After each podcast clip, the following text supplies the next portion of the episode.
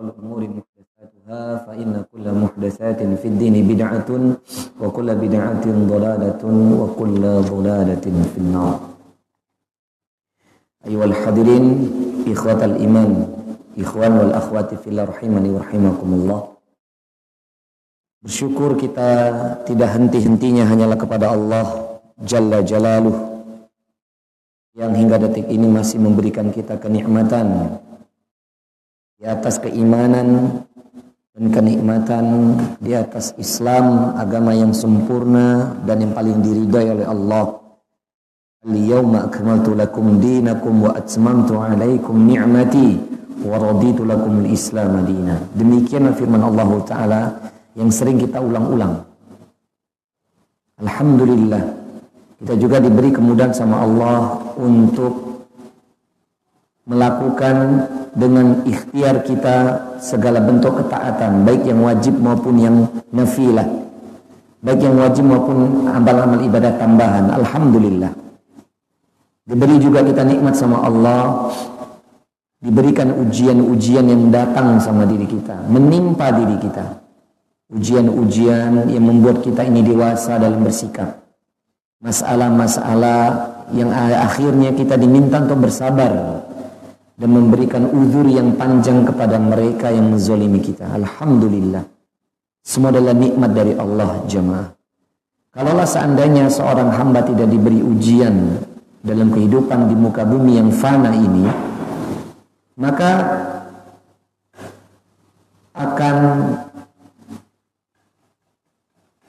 ya berseberangan atau pasti kelirulah sabda Nabi alaihi wasallam.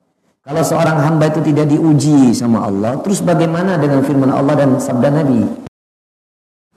Jadi nggak ada masalahnya, nggak ada bedanya antara dia punya istri satu gitu ya, istri dua ya sama-sama ada masalah. Kenapa bu kok senyum-senyum?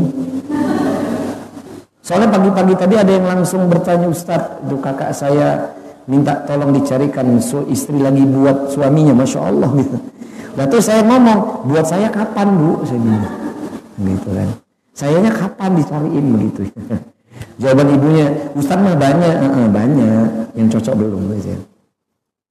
maka jamaah yang oleh Allah jadi kalau misalnya hidup itu nggak mau ada masalah ya keliru lah coba bayangkan ya Kenapa saya harus menyampaikan demikian? Ibu harus ingat kita tinggal di dunia, kita ini dihukum, pasti banyak masalah.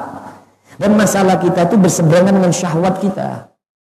Keinginan kita A, maunya Allah B. Keinginan kita seribu, maunya Allah hanya sepuluh, misalnya begitu. Tapi kita betul harus mengkaring syahwat, betul nggak bu? Pak? Iya. Sama jemaah. Nabi coba bayangkan, Khalilullah kekasih Allah sampai ibunda Aisyah mengatakan wa qad ghafarallahu ma taqaddama min dzambika wa ma ta'akhkhar Ya Nabi, sungguh engkau adalah orang yang telah diampuni dosa-dosa engkau di masa yang lalu dan yang akan datang. Kau ini kan maksum. Tapi Nabi hidupnya tidak pernah dibuat merasa nyaman Bapak Ibu. Hampir-hampir Nabi nggak pernah berada di zona nyaman. Gak kayak kita nih hidupnya mau merasa nyaman aja. Ini buat mbak-mbak yang besok mungkin akan menikah. Jangan pernah memimpikan besok kalau saya nikah kamu hidupnya tenang, nyaman, damai. That it's impossible. Mustahil. Betul nggak Bu? Coba tanya ibu kita yang sudah jadi yanti bentar lagi. Gitu. Masalah hidup itu pasti ada. Kan? Iya. Gak bisa Bapak Ibu. Nabi alaihi wassalam. Kita ini kan membicarakan kitab Rawdatul Anwar fi Siratin Nabil Al-Mukhtar karangan Syekh Saifan Syekh Saifurrahman Al-Mubarak Furi. Kita udah bahas salatul layalin, salatul layal fil ghar. Kita bahas tiga malam salatul layal fil ghar di dalam gua-gua Hira. Kita udah bahas ini. Kita akan membahas apa fit tariqi ilal Madinah hari ini. Kita akan membahas bagaimana Nabi meninggalkan kota Makkah menuju Madinah. Bagaimana apa yang terjadi detik-detik Nabi meninggalkan gua Hira. Nah, Pak Bu, Bapak Ibu yang oleh Allah, saya mau tanya. Jangankan seperti Nabi yang diancam ingin dibunuh. Bahkan nyata-nyata kita udah bahas kemarin, sahabat Ali bin Abi Thalib radhiyallahu taala anhu hampir saja tertikam dengan pedangnya Abu Jahal dan para pengikutnya. Betul apa tidak? Betul enggak? Nah kalau memang itu ternyata Nabi Muhammad misalnya, Berarti kan ini ancamannya adalah nyawa begitu. Betul apa tidak? Hanya mempertahankan keimanan menjadi seorang utusan Allah yang dijamin segala perlindungan dan penjagaannya. Seakan-akan dalam hal ini, kok Allah nggak melindungi Nabi ya, Bapak Ibu, gitu kan? Ustaz, kok Allah Taala nggak melindungi Nabi? Kok sampai Nabi itu harus, terancam, harus berada di gua Hiro, maaf, harus ada di gua Sur, saya urangin, harus di Jabal Sur ya, di Jabal Sur, di gua Sur, tiga hari, tiga malam di sana, begitu kan? Sampai kita kemarin bahas, sampai ada pengembala kambing itu yang dikirim naik ke Jabal Sur, mesti kan nggak bu? Yang ingin diambil susunya untuk diminum Nabi sama Abu Bakar As-Siddiq. Coba bayangkan. Nabi kok dikasih kondisi demikian gitu.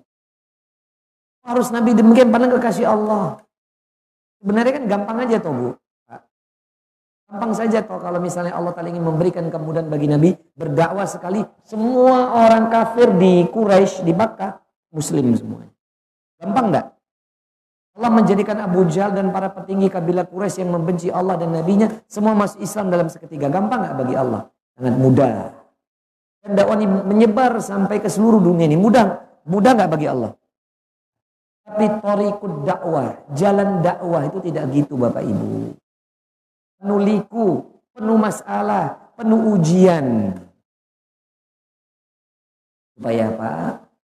Hikmahnya Bapak Ibu, mereka yang dipilih Allah menjadi Nabi dan Rasul. Itu saja diberikan ujian begitu berat. Dan Nabi SAW harus meninggalkan kota kelahirannya. Yang dia sangat mencintai. Kan saya agak lupa ya. Apa yang dikatakan Nabi dalam sabdanya. Nabi itu seakan-akan bersyair jemaah. Nabi kan menangis meninggalkan kota kelahirannya. Di mana itu adalah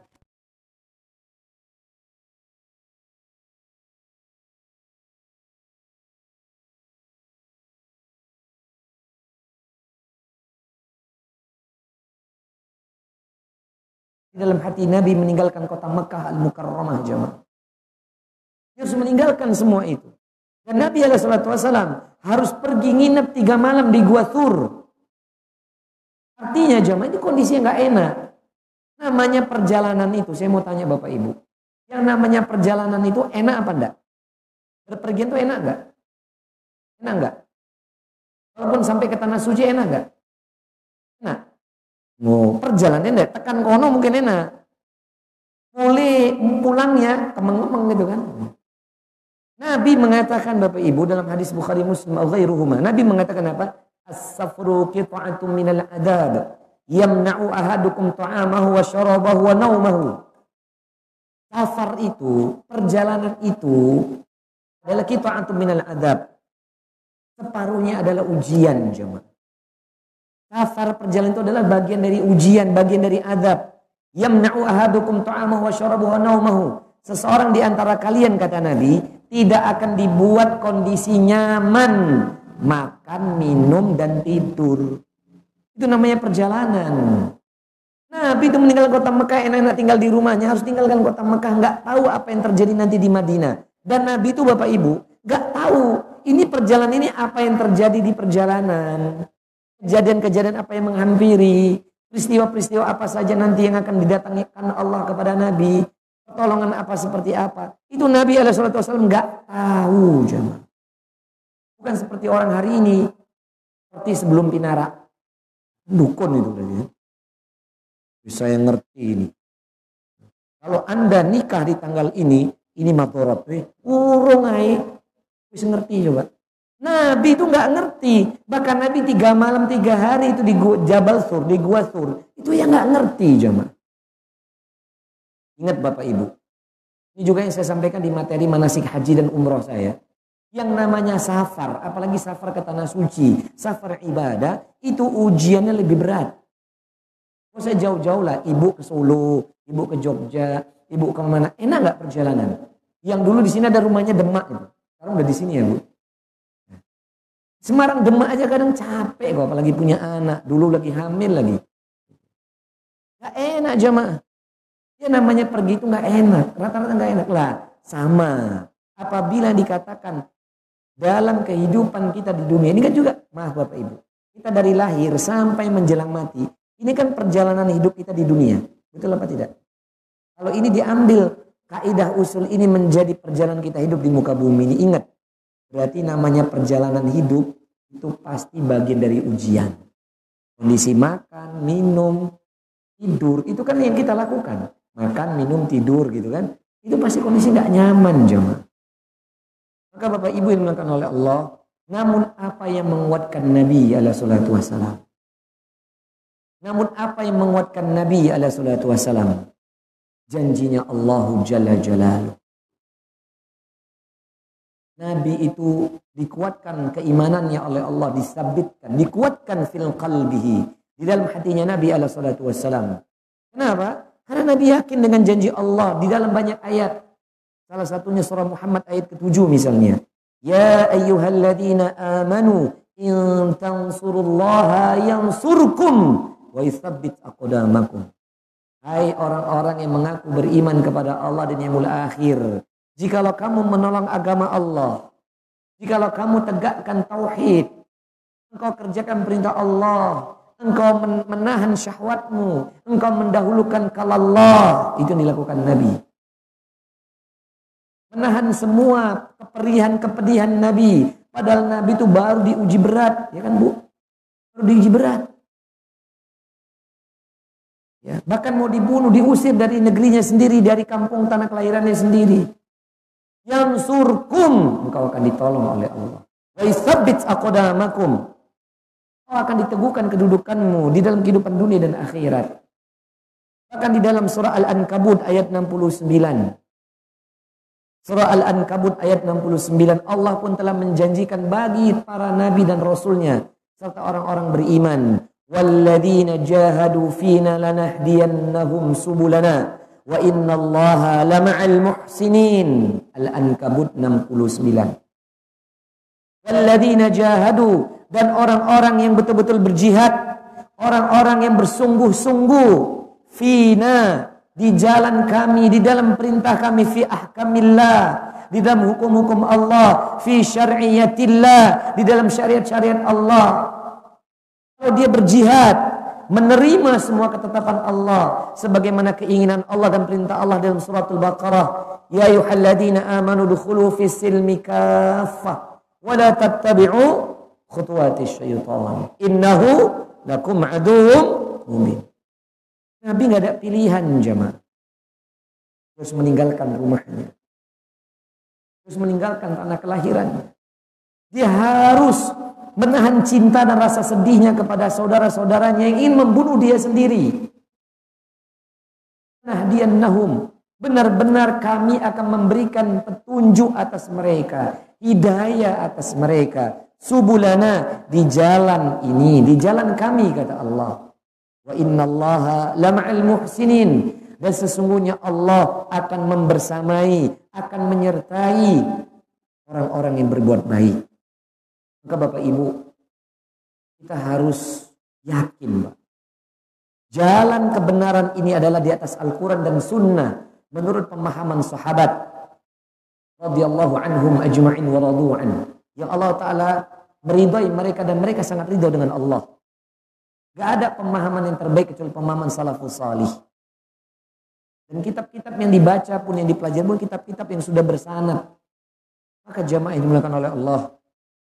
Ini harus kita yakini Bapak Ibu. Itulah yang menguatkan Nabi SAW.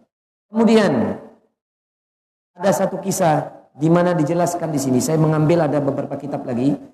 Selain membawa kitab uh, Rodatul Anwar fi Al-Mukhtar, saya mencampur dengan kitab yani al yani al rujwazati ya al urjuwazah al mayyit al miyatah yani fi dzikri hali asyrafil bariyah dia ada kitab yang dikarang seorang ulama yakni Syekh Ibnu Abi ya Zal al-Hanafi ini berisikan mulakhas sirah Nabi alaihi salatu wasallam. Jadi ringkasan. Jadi ini sudah ringkas toh, Bu.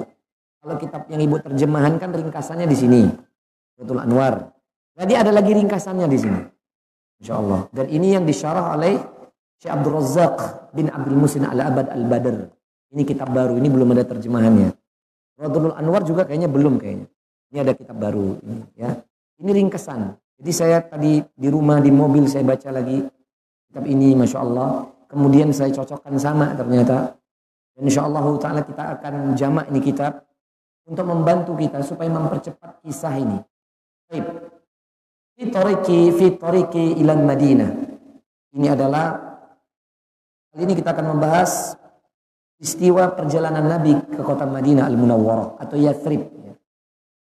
Baik. Yang ini dilakukan oleh Allah Subhanahu wa taala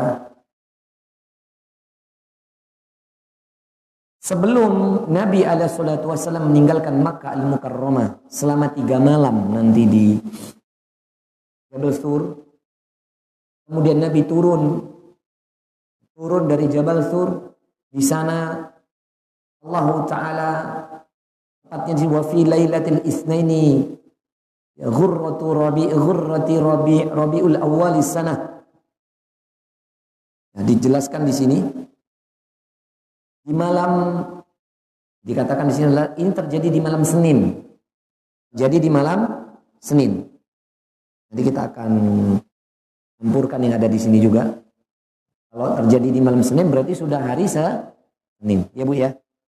Kalau dibilang dalam kalimat fi lailatil isnain di malam Senin itu berarti sudah masuk hari Senin karena dalam Islam hitungan hari dan tanggal baru adalah setelah maghrib. Nah, terjadi itu adalah Rabiul Awal, ya ini dikerja dikatakan di sini. Ah, Rabiul Awal, bulan Rabiul Awal tahun satu dari Hijriah. Ibu bapak kan ingat tuh, Nabi kan itu mau dibunuh mal tanggal 27. Jadi kalau ini hari Senin, berarti Senin mundur tiga hari gimana hitungannya? Mundur tiga hari. Berarti Senin, Ahad, Sabtu, Jumat. Malam Jumat. Jumat tanggal 27, 28, Sabtu. Ya, malam Jumat. Nabi itu mau dibunuh itu loh jemaah. Kemudian Nabi kan pergi. Tiga malam nginep di Jabal Sur. Nah berarti di hari Ahad, Ahad pagi belum reda semuanya yang Nabi itu hampir ketahuan di dalam gua sur itu loh jamaah yang pertemuan yang lalu. Malamnya Nabi turun. Hmm. Berarti itu adalah dihitung dalam Islam satu hijriyah. Ini sebelum pergi nih. Ja'ad dalilu Abdullah bin Uray, uh, Uriqid ya. Uraiqid ya, dikatakan uh, bisa dikatakan uh, Uraiqid juga bisa atau Uriqid. Laith al-laith bi rahilaitaini ila Jabal Thur hisabul mau'id. Dikatakan Syekh Sufran al-Mubaghfuri jadi kita kemarin kan kita kan PR bu siapa sih yang ditunjuk Abu Bakar yang dibeli, yang dibayar gitu kan seorang tour guide orang Yahudi itu namanya Abdullah ibnu Uraikid ya, atau Uraikid atau Uraikid. Ini dia, dia ini adalah tour guide yang paling handal. Bersamanya itu al ya. Bersama itu ada dua tunggangan, onta terbaik. Dan itu yang diperintahkan Abu Bakar tatkala mau keluar dari rumah Rasulullah ke rumah Abu Bakar. Ingat nggak Pak Bu? Habis dari rumah Rasulullah ke rumah Abu Bakar. Kemudian naik dua onta terbaik. Dibawa sama siapa? Abdullah bin Uraikid. Yang nanti kelak dia masuk Islam. Uraikid atau Uraikid sama aja gitu.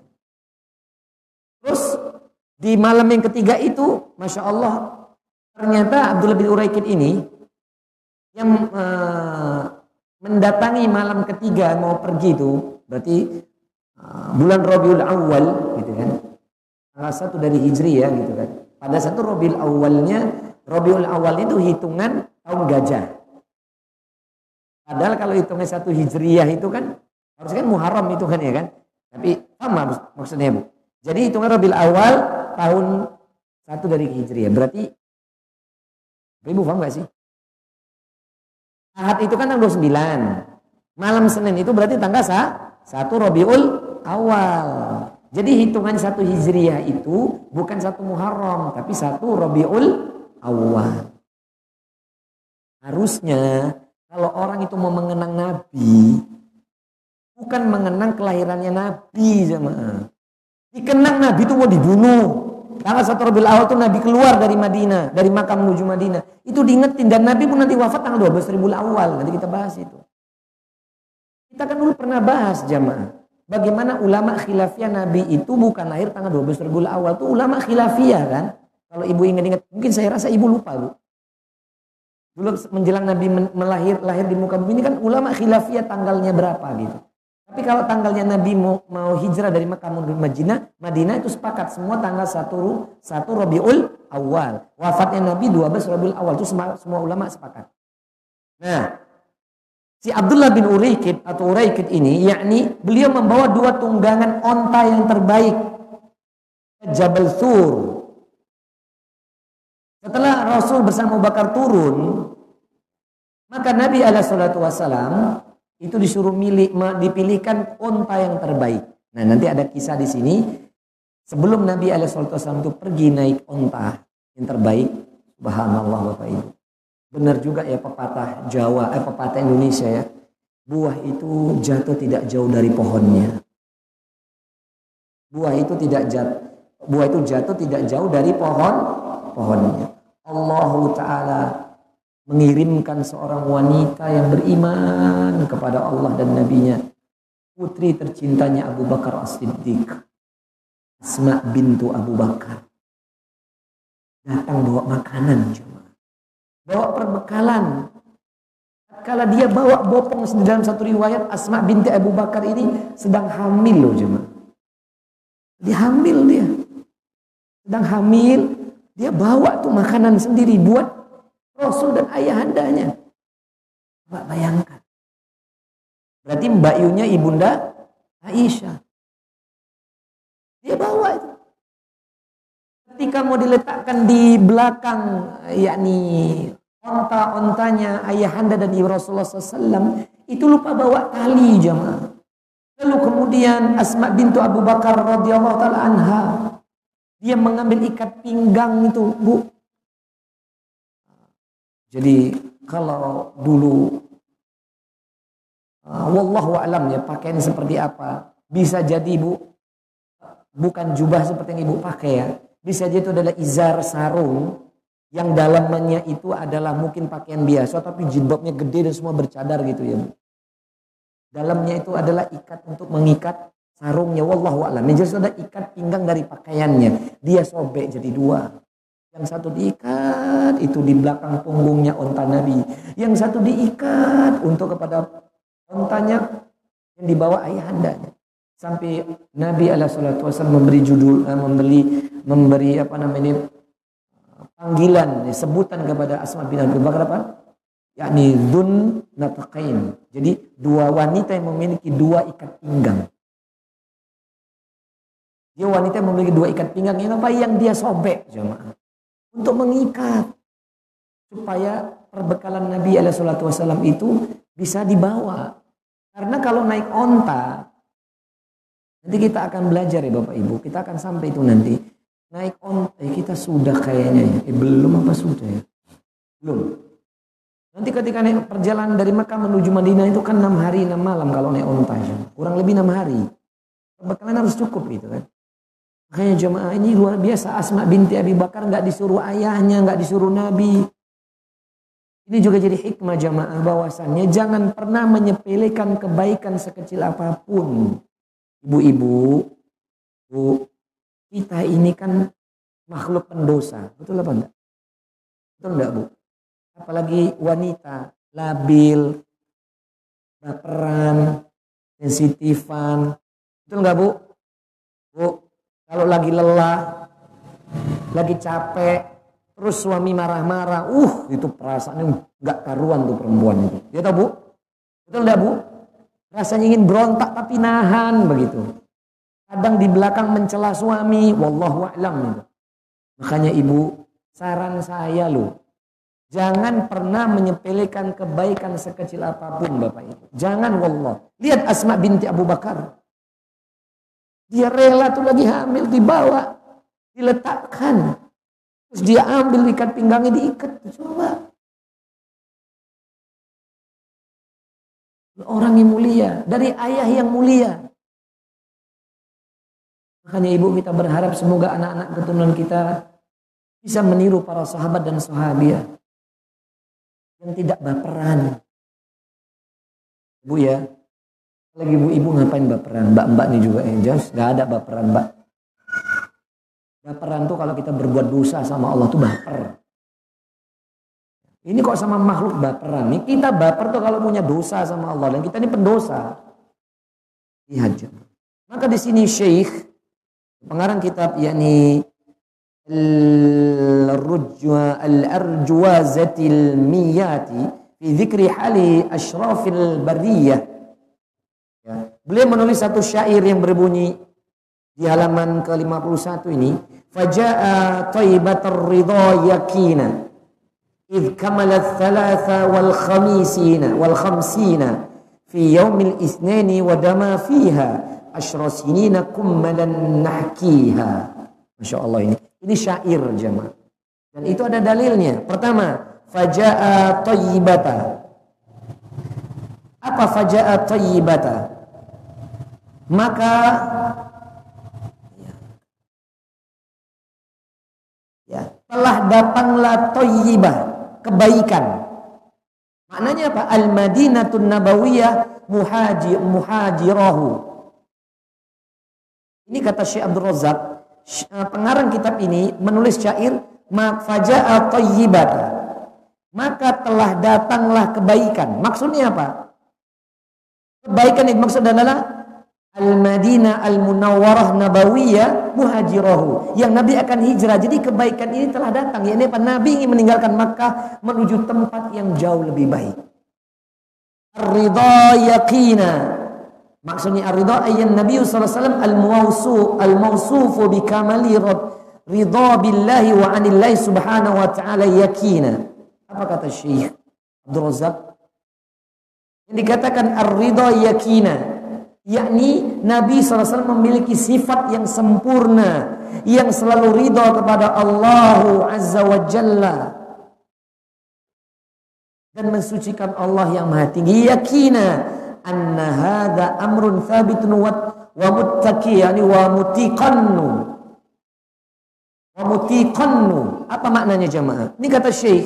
Jadi jelaskan di sini kata Syekh Abdul Razak Ketika Syekh ini mengerjakan, maka telah datang kebaikan, yakni Nabi mau dihijrahkan ke kota Madinah, Nabawiyah. Dengan ridho keyakinannya. Maksudnya apa? Nabi memiliki sifat yang paling mulia karena ridho dengan ketentuan Allah. Harus meninggalkan semuanya. Bapak Ibu masih di sini? Langitnya mendung soalnya. Seperti mata pun ikut mendung. Masya Allah. Tapi saya maklum lah kalau ibu-ibu lelah itu karena mungkin ibu-ibu tuh pekerjaannya banyak. Husnuzon, Masya Allah. Tapi kalau mbak-mbak yang muda-muda nih ikut ngantuk misalnya. Subhanallah, capeknya apa? Tapi mbak-mbak ini nggak ada lah Insya Allah. Yang di atas nggak tahu, ya tidur apa enggak nggak ngerti. Baik, jemaah. Semoga bangun jemaah. Jadi ridho, Nabi itu orang yang paling ridho, manusia yang paling ridho dengan ketentuan Allah. Yakina an an hada amrun thabitun wa, uh, wa mutiqannun. Sesungguhnya ini adalah perkara yang yang kuat dan yang diyakini oleh Nabi alaihi salatu wasallam. Id kamalal dikatakan di sini id kamala thalatha wal khamisina. Jadi saya campur ya Bu kitab ini. Tadi kan kita sampai kepada kisahnya Asma bin Abu Bakar ya. Ini kita jamak dengan kitab ini. Ini faedahnya luar biasa ini. Ya. Idh kamalat thalatha wal khamisina ay umurahu. Apa mana idh kamalat thalatha wal khamisina? Tatkala Nabi SAW berusia 53 tahun. Nah, benar kan? Nabi ditinggal istri, pamannya meninggal usia 50. Ingat? Nabi ditinggal istrinya usia 50. Nabi menikah dengan Ummu Sauda usia 50. Oke? Sepakat? Sepakat ya? Nabi menikah usia berapa? Dengan Ummu Sauda. Usia 50 hanya selang berapa lama? Baru kemudian tahun depan, hmm, di bulan Syawal, Nabi dinikahkan oleh Allah kepada putrinya Abu Bakar, ibunda Aisyah radhiyallahu taala radhiyallahu taala anha. Betul enggak? Dan itu saya lihat Bu, Nabi itu nggak punya cinta sebenarnya. Coba seperti yang saya jelaskan, menikah dengan Ummu Saudah itu secara manusiawi Ummu Saudah itu usia 65, usia nenek-nenek. Nabi usia 50. Gak pakai syahwat Nabi. Eh tahun depan turun perintah. Teng ya Rasul. kalau diperintahkan, dimimpikan sampai tiga kali kan, nikah ibunda Aisyah yang usianya enam tahun, itu kan usia anak putune. Ya, coba jemaah. Nabi. Di tatkala Nabi itu meninggalkan kota Makkah Al-Mukarramah menuju Madinah Al-Madinah An-Nabawiyah itu di usia berapa? 53 tahun. Aimin umurihi salawatullahi wassalamu alaihi. Selawat keselawatan, selawat atas Allah, selawat dari Allah dan keselamatan atasnya dan kesejahteraan dari Allah. Fi yaumil isnain, benar toh? Fi yaumil isnain, di hari isnain. Di hari Senin. Itu tadi malam Senin, malam tanggal tanggal 1 Rabiul Awal, berarti sama. Wadama fiha, maksudnya fil yaumil karena dukhulul Madinah fi yaumil isnin. Nah, nanti pun perjalanan itu kan enam hari. Jadi kalau keluarnya malam Senin, nomor tujuh hari. Kalau keluar malam Senin berarti Senin, Selasa, Rabu, Kamis, Jumat, Sabtu. Ya. Nanti ada eh, enam uh, hari di sini. Uh, karena dukhulul Madinah. Ada yang mengatakan lagi Nabi itu masuk ke dalam yakni ini ada perselisihan antar ulama ya.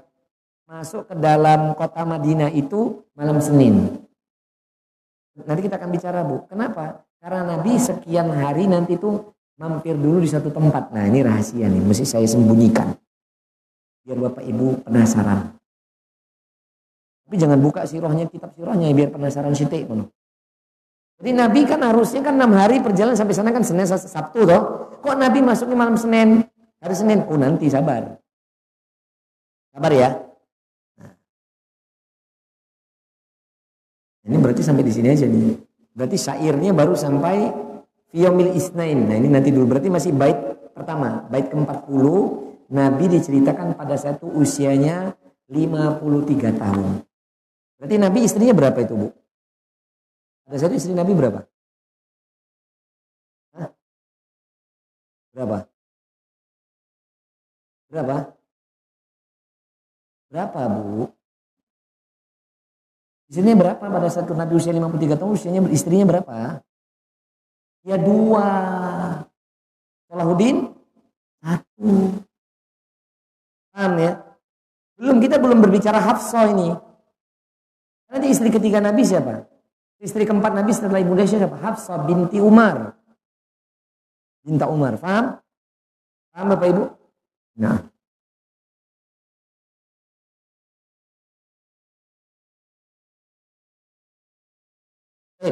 Kemudian dilanjutkan lagi, masya Allah.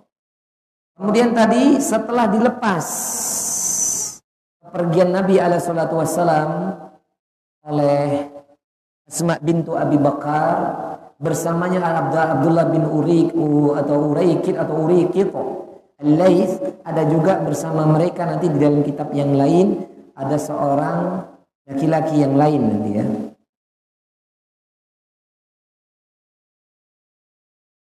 Kita baca ini.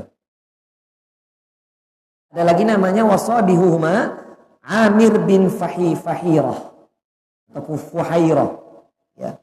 Ya. Jadi ada lagi nanti yang menyertai Nabi itu bukan hanya Abdullah bin Urikid, tapi ada namanya juga sahabat Amir bin Fuhira atau Fuhairah. Ya. Jadi ada nama sahabat, jadi berarti ini berempat. Jadi perjalanan itu ada berapa orang bu pak? Berempat. Yang masih kafir cuma satu orang itu. Siapa? Abdullah bin Urikin. Masih kafir dia. Masya Allah, Masya Allah ya. Wasalaka bihi ma ad-dalilu fi ittiha fi tijahid junubi nahwil yamani hatta ub'id. Masya Allah nih. Pintar ini memang. Abdullah bin Urikin ini pintar banget.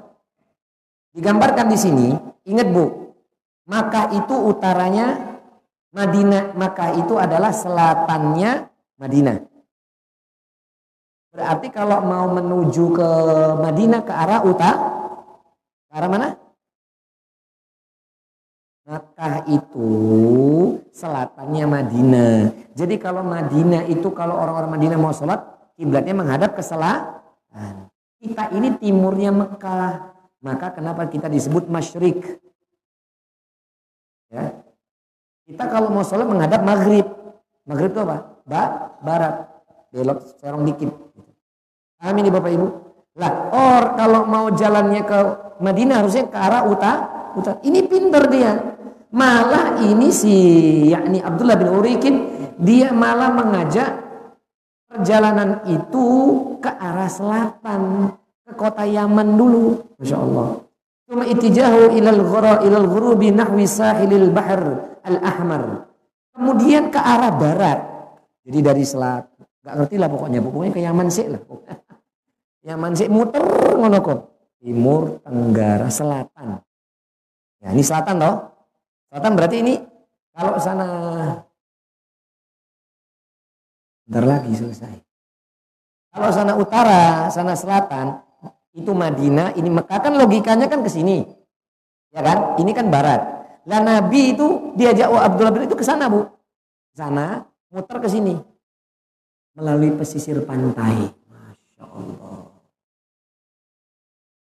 Tapi Nabi nggak main di pantai, Bu.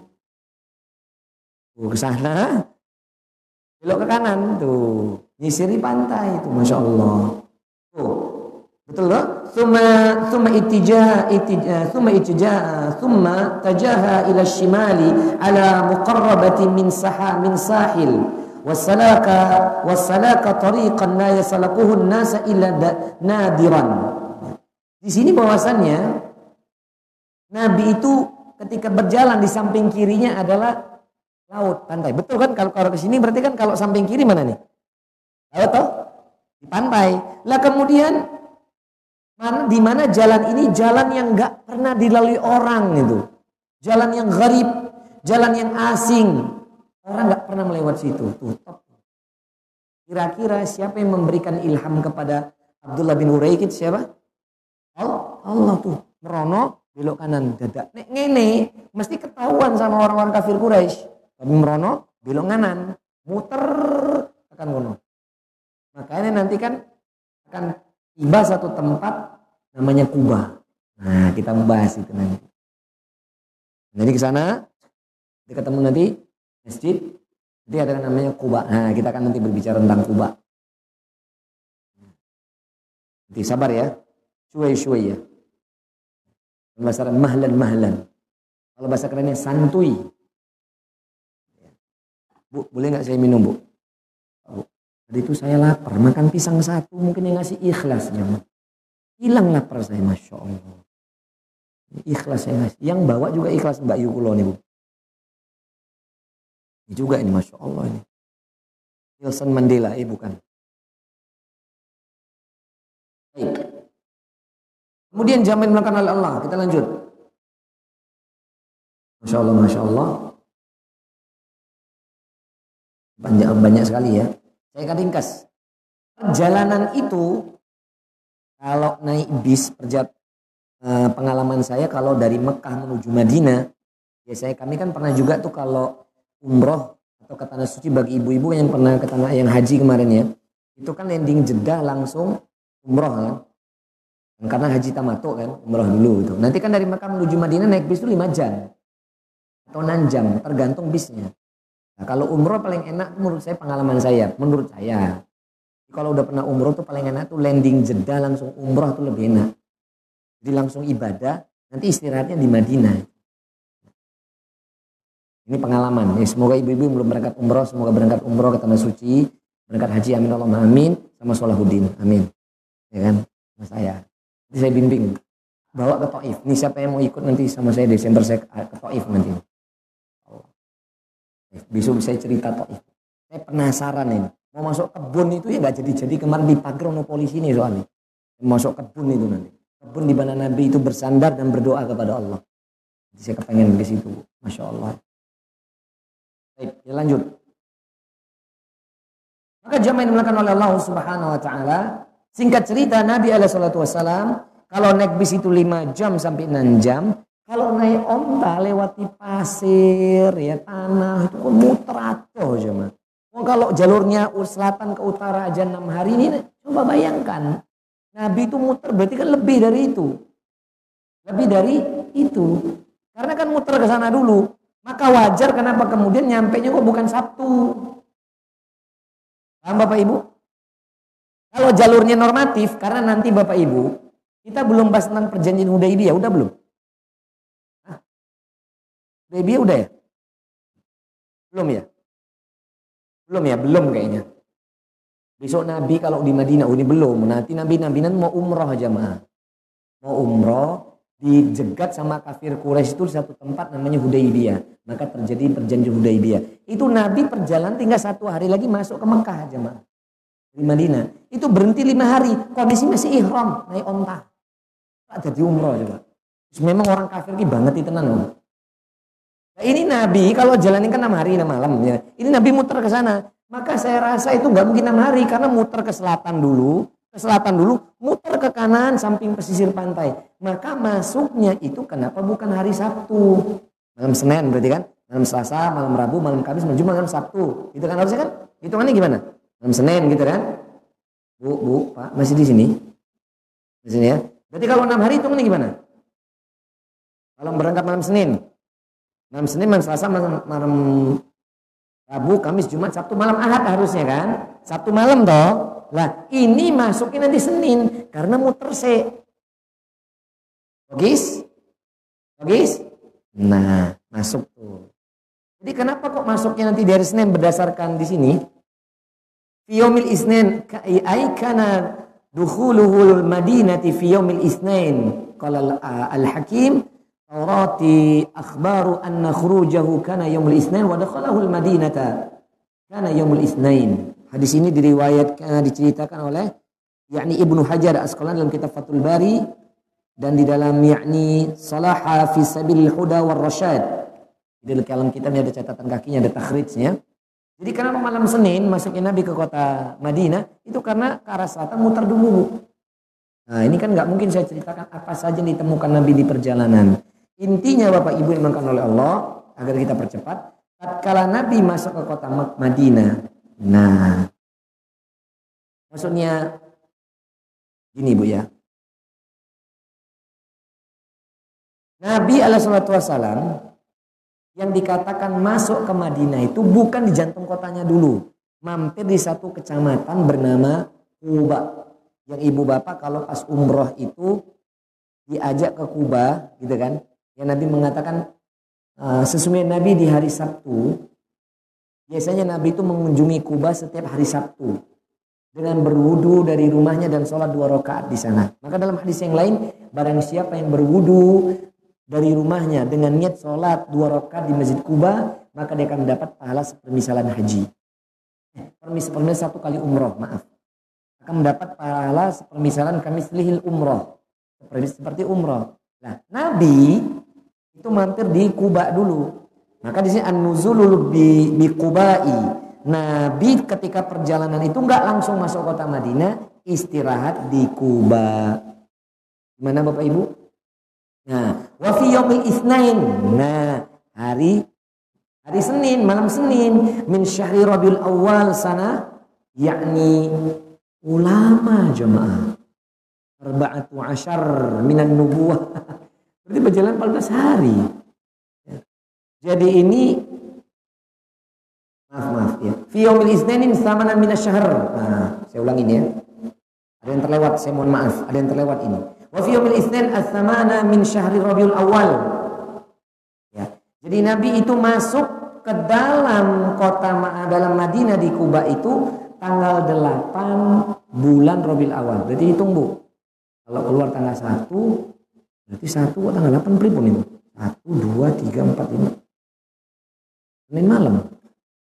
Bukan malam Senin berarti Bu. Malam Senin, malam Selasa, malam Rabu, malam Kamis, malam Jumat, malam Sabtu, malam Ahad, malam Senin. Pas ya? Pas ya? Berarti 8 ya?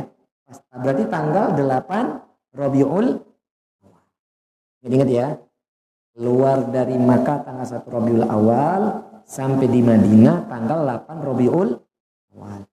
Pertemuan akan datang saya tanya yang bisa jawab tak kasih hadiah pisang rebus dari Ummu Hayana. Insya Allah bisa ada pisang rebus lagi. Kemudian wahiyya sanatul ula al hijrah. Nah, nuzulun nazala nuzul, uh, nazala Rasulullah sallallahu alaihi wasallam bi Qubai. Jadi Quba itu pakainya qaf, qa ba alif hamzah. Quba Wa kana Madinah hinama سمعوا بخروج رسول الله صلى الله عليه وسلم يخرجون كل غداة إلى الحرة حتى يرضاهم حتى يرضاهم آه، يعني حر الظهيرة فانقلبوا يوما بعد طول الانتقاء انتظار. فلما أوى إلى بيوتهم أو في رجل من رجل من اليهود على أطعم على أطم أطم mina atamihim li amli yanzuru ilaihi fa basaru bi Rasulillah sallallahu wa asbahu wa ashabuhu ah, mubidina yazulu bihi musarabi Nah, ini ceritanya gini Bapak Ibu. Jadi Nabi itu turun di Kuba itu sebagai tempat transit Nabi alaihi salatu wasallam. Nanti di sana Nabi alaihi salatu wasallam singkat ceritanya adalah Nabi diperintahkan oleh Allah taala membangun masjid. Jadi masjid yang pertama kali dibangun Nabi itu bukan Masjid Nabawi, masjid di Kuba. Di sinilah Nabi beristirahat dan sholat di sana. Beribadah di sana. Itu ya Bapak Ibu ya.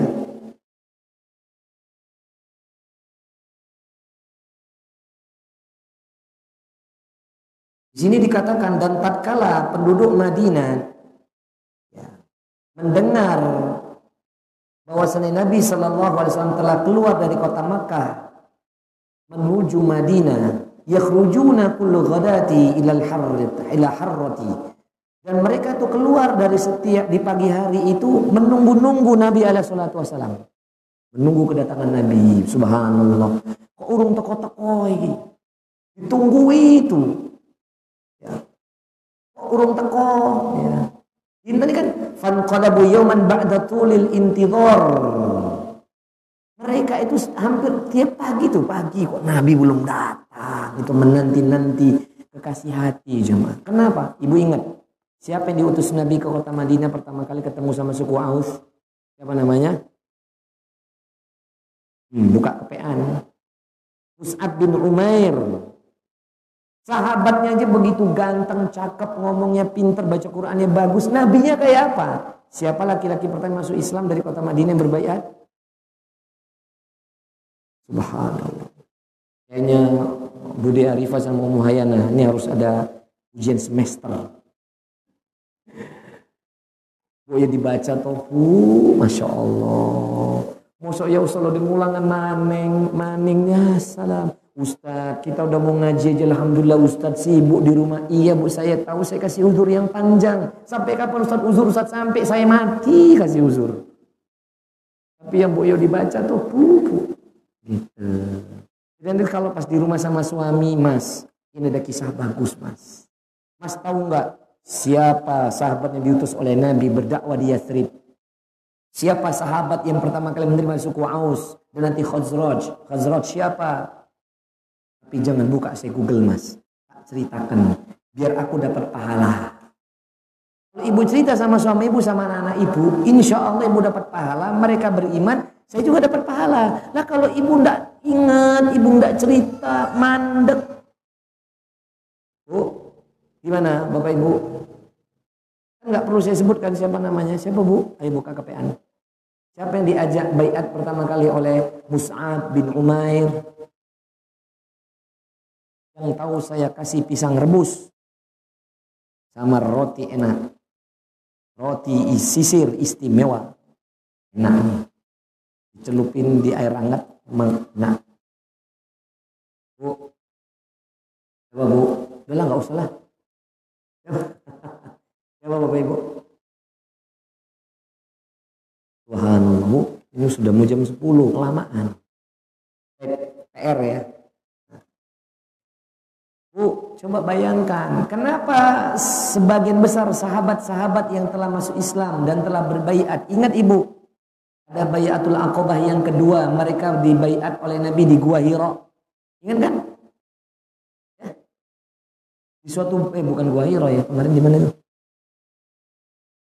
Di kok jadi lupa saya. Ya Nabi itu berbaiat itu loh, eh, eh, para sahabat berbaiat kepada Nabi itu loh di Bayatul Aqabah yang kedua. Itu Aqabah Kubroh atau Staniyah. Ya itu kan di sana mereka sudah menanti Nabi sebagian besar tahu, sebagian lagi Nabi nggak tahu maka mereka menunggu-nunggu. Wa nazala Rasulullah SAW bi, bi Qubai ala yani Kulthum bin Al-Hadam wa qila ala Sa'ad bin Khithamah ya wa makatha biha arbatun ayyam asasa isnaha Masjidun Quba. Nah, di sinilah jamaah yang oleh Allah. Nabi atas izin Allah diperintahkan untuk membangun Masjid Kuba sebelum nanti masuk ke jantung kota Madinah. Mau tahu kisah berikutnya? Kita saksikan pada kita lanjutkan pada pertemuan yang akan datang. Bu, saya mohon itu di murojaah Bu ya. Jadi kalau besok saya tanya nyambung. Masa saya balik meneh Bu? Terus atul Bu. Ini kan sirah kita ini insya Allah taala itu yakni sistem nggak akan ada kisah. Jadi kalau ada kisah-kisah yang kurang bagi saya itu nggak ada hikmah. Semua ada hikmah tapi yang kita butuhkan ya ini. Ini penting nih bu. Nanti sampai ke masuk kota Madinah nanti kita akan berbicara apa yang terjadi di kota Madinah ada apa di sana perintah Allah dan nabinya bagaimana. Itu kita akan cerita pada pertemuan yang akan datang. Tapi baru selesai dulu nih sebelum kubah nih apa yang terjadi. Itu ya bapak ibu ya semoga bermanfaat. Nanti kita akan bahas Kalimat tola'al badru alaina. Ini apakah bagaimana ini? Kita akan bahas. Insaniyatil wada. Gitu kan. Wajaba syukur alaina.